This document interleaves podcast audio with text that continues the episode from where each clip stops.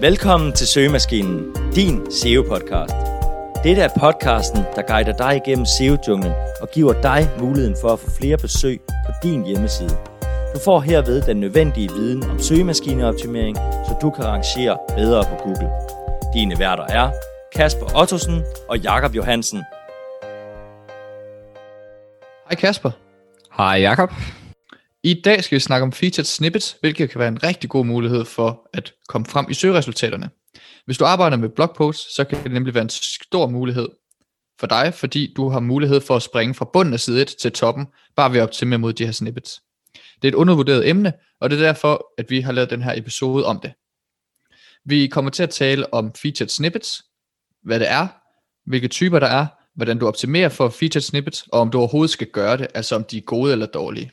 Kasper, starter du lige med at forklare, hvad en featured snippet er? Det vil jeg i hvert fald. Der er forskel på snippet. Vi kan opdele dem i Google Owned Snippets og Feature Snippets. Google Owned Snippets, dem er der to udgaver af. Den ene kalder vi Rich Answer Snippets. Her viser Google et resultat på din søgning, men linker ikke til nogen sider. Det kan for eksempel være, hvis du googler hvad er klokken, eller 4 plus 4, og så viser Google resultatet på din søgning, men der er ikke nogen, men det er ikke fra nogen hjemmeside, og derfor så linker det ikke nogen steder. En anden form er knowledge graph, og det kan for eksempel være, hvis du googler Elon Musk, så ude i højre side, der kommer et stort billede af Elon Musk og billeder af folk, han er relateret til, under disse billeder, der er ligesom en liste af de folk, han er relateret til, hvor han har været, hvad han laver. Og der er en masse interne links i denne knowledge graph. Disse interne links fører alle sammen til Google-søgninger. Så hvis du klikker på Elon Musk's ekskone, så kommer du til en Google-søgning på hans ekskone. Derudover er der også en link til Wikipedia, hvor de nok henter en del af denne data. Udover Googles own snippets, så er der så Googles feature snippets. Her viser Google noget content fra en specifik side i selve søgeresultatet og linker til denne kilde. Det er disse typer, som vi kommer til at tale om i denne episode. Og Jakob, vil du ikke fortælle, hvilke typer snippets der findes? Det vil jeg i hvert fald. Den første type er text snippets. Her tager Google et udklip af det content, du har på din side, og viser det som en paragraf i selve søgeresultaterne, altså allerøverst op, når du har lavet en søgning.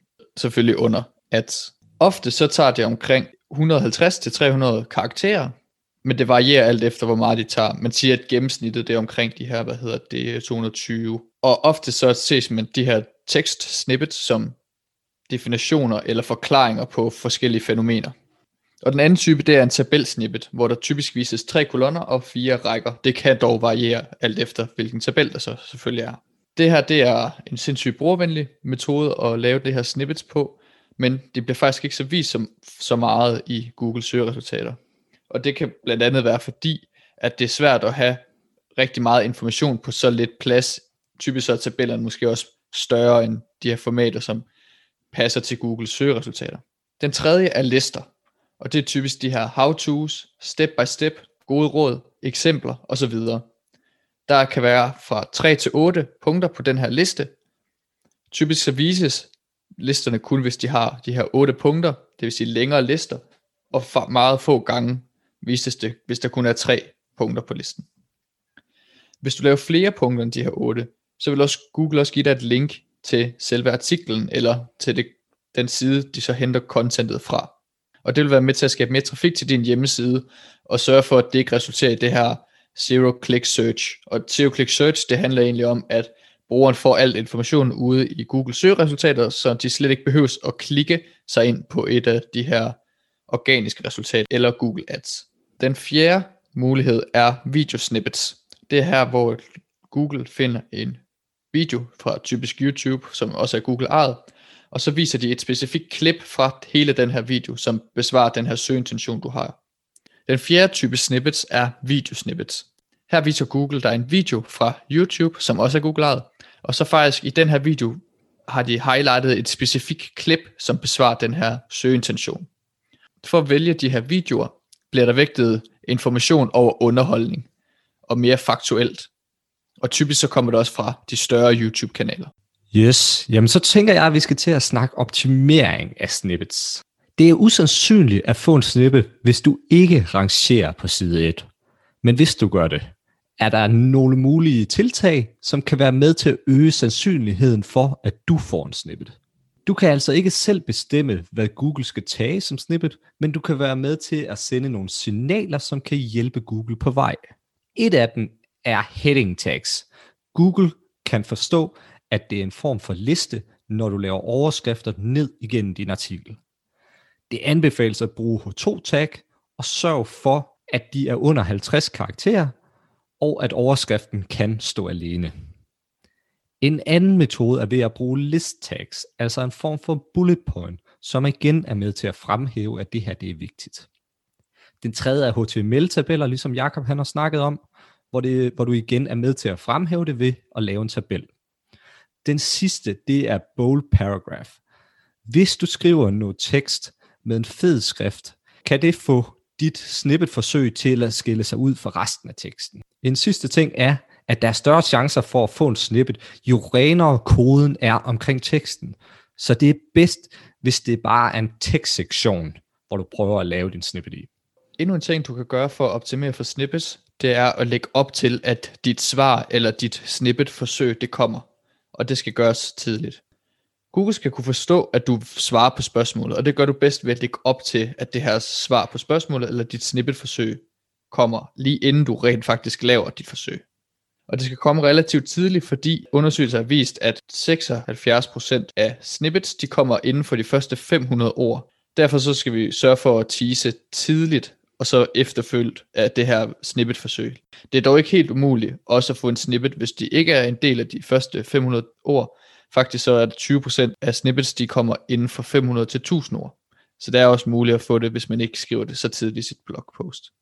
Du skal også være opmærksom på, at Google de ønsker at have kort og præcis svar, i hvert fald i forhold til de her paragraf eller tekst snippets, som jo kun må være 150-300 karakterer. Og konkret råd til, til, til at optimere for det her, det er et, det skal kunne stå alene. Altså dit svar, dit snippet svar eller forsøg, det skal kunne stå alene. Derfor så er det nødvendigt at gengive noget af den her søgning, du er ved at svare på. Et eksempel kunne være, hvad er BNP? Hvis vi skriver, det er bare summen af landets private og offentlige forbrug, investeringer og nettoeksport, så vil du ikke have gengivet noget af det, de spurgte om. Og så vil det ikke blive taget som en snippet, fordi Google kan heller ikke se, at det er en definition på BNP. Så hvis du i stedet for skriver, at BNP er, og så hvad definitionen bagefter, så har du både gengivet det, og det kan stå alene. Og derved vil det øge dine chancer. Nummer to ting, det er, at du skal bruge en faktuel tone. Så du skal ikke bruge slang, og det er også vigtigt, at du ikke skriver ting så som jeg synes, eller er betvivlende skriver måske. Den tredje ting er, at du skal undgå at skrive ja eller nej.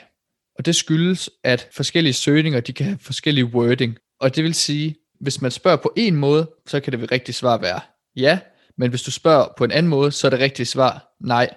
Og derfor så kan enten ja eller nej ikke bruges i kun én sammenhæng. Endnu en ting, du skal tage højde for, er, at Google ønsker understøttelse af det, du skriver. Google kigger på andre websites for at se, hvad de siger om emnet. Og hvis du også nævner disse elementer, så giver det mere incitament til at vise dig som feature snippet. Dette kaldes for confirmation consensus. Google vil gerne bekræftes eller understøttes i, at det du skriver er korrekt. Et eksempel. Du skriver om de bedste ting at gøre i København, og hvis de andre har skrevet om at se den lille havfrue og Tivoli, og din side også inkluderer disse, så vil Google opfatte det som om, at du matcher søgningen. Når du optimerer mod snippets, så er det også en fordel at skyde med såkaldt spredhavl. Fordi derved så øger du din chance for at få en featured snippet. Det vil sige, at du skal lave flere segmenter, som er meningen at tage den her snippet plads. Det kan for eksempel være, at du både skriver en tekst for at rangere for en tekstsnippet, men at du også laver en tabel eller en liste for også at få den her snippet. Men man skal også sørge for ikke at gå alt for vidt med det. Et godt råd er at se på, hvilke type snippet der allerede er på den søgning, du gerne vil have snippet for, og brug den som guideline. Det er dog ikke ens betydende med, at det er det optimale format, men Google kan måske have valgt den snippet, fordi der ikke var andre formater tilgængelige på det tidspunkt. Hvis du er Ahrefs-bruger, så kan du også bruge Ahrefs til at optimere for snippets. Den ene måde, det er, at du kan gøre det for ting, du allerede rangerer på, og den anden måde, det er, at du kan finde for nye keywords, hvor der er snippet-muligheder. Lad os starte med ting, du allerede rangerer på. Først så går du ind under Organic Keywords, og der er et filter, hvor du kan sætte SERP features, altså SERP features, de her søgeresultats features, hvor et snippets inkluderet. Den skal du så tilsætte, og så kan du filtrere for placeringer. Typisk så vil jeg sige 1-7 eller 1-5, fordi det er de her, hvad hedder det, top 10 og tit også top 5, der får snippets. Derefter så kan du også sætte en volumen på, for at sige, at du vil kun fokusere på keywords, der har den allerhøjeste volumen. Efter det så vil du have en liste med keywords, du allerede rangerer på, hvor der er snippet muligheder. Så derefter så kan du gå dem igennem for at optimere og, og vinde de her snippets. Den næste mulighed er for keywords, du endnu ikke rangerer for, men som har snippet muligheder. Hvis du gerne vil finde nogle keywords, der har snippet muligheder, som du gerne vil rangere for, så kan du gå ind på det, de kalder for Keywords Explorer. Så kan du søge på et keyword, og så filtrere for, igen for de her SERP features, og inkludere featured snippets. Så kan du igen filtrere på volumen på samme, samme måde som før, så du kun får keywords med en vis antal volumen. Og igen så har du en liste med relevante keywords, som du kan rangere for med høj volumen, og som også har de her snippet potentialer. Så vil jeg gerne snakke lidt om, om det er godt eller dårligt at få en snippet. Når vi har læst op på snippets, lytter vi tit til Jim og Ricky fra Income School. Og de argumenterer for, at hvis man vinder en snippet, så vil man få omkring 20% af trafikken på det søgeord, som er mere end det, hvis du ligger under snippeten. Vi har også læst en undersøgelse fra Moss, hvor de tester brugen af data no snippet tag. Altså, de siger til Google, at de ikke vil have en snippet. Testen viste et 12% drop i trafik, efter de fjernede deres snippets. Faktisk viste det også, at de ikke vandt deres snippet tilbage, efter at de fjernede det her no snippet tag. Med dette sagt, så vil feature snippet i nogle tilfælde også føre til et nul kliks. Især hvis det svarer fuldt ud på dit spørgsmål. Det er selvfølgelig træls, men det er bedre, at de ser din snippet, end at de ser din konkurrenters. Vi har nu været igennem det, vi havde at sige for den her gang om snippets, og du har forhåbentlig blevet klogere på, hvad de her featured snippets er, hvilke typer der er, hvordan du skal forsøge at optimere for dem, og om det overhovedet er det værd. For at kort og op, så er der fire typer snippets, som er video, tekst, lister og tabeller. Og hvis du gerne vil have snippets, så har vi nogle key takeaways fra den her episode. Nummer et, det er at sørge for, at dit snippet forsøg kommer tidligt. Nummer to, det er at skyde med spredhavl. Nummer tre, det er at lægge op til svaret, eller dit snippet-forsøg, inden du giver det. Tak fordi du lyttede med. Hvis du lærte noget nyt i denne episode, så må du gerne gå ind på iTunes og skrive en anmeldelse og fortælle, hvad du lærte. Alternativt vil vi sætte stor pris på, hvis du deler dette afsnit med to, du kender.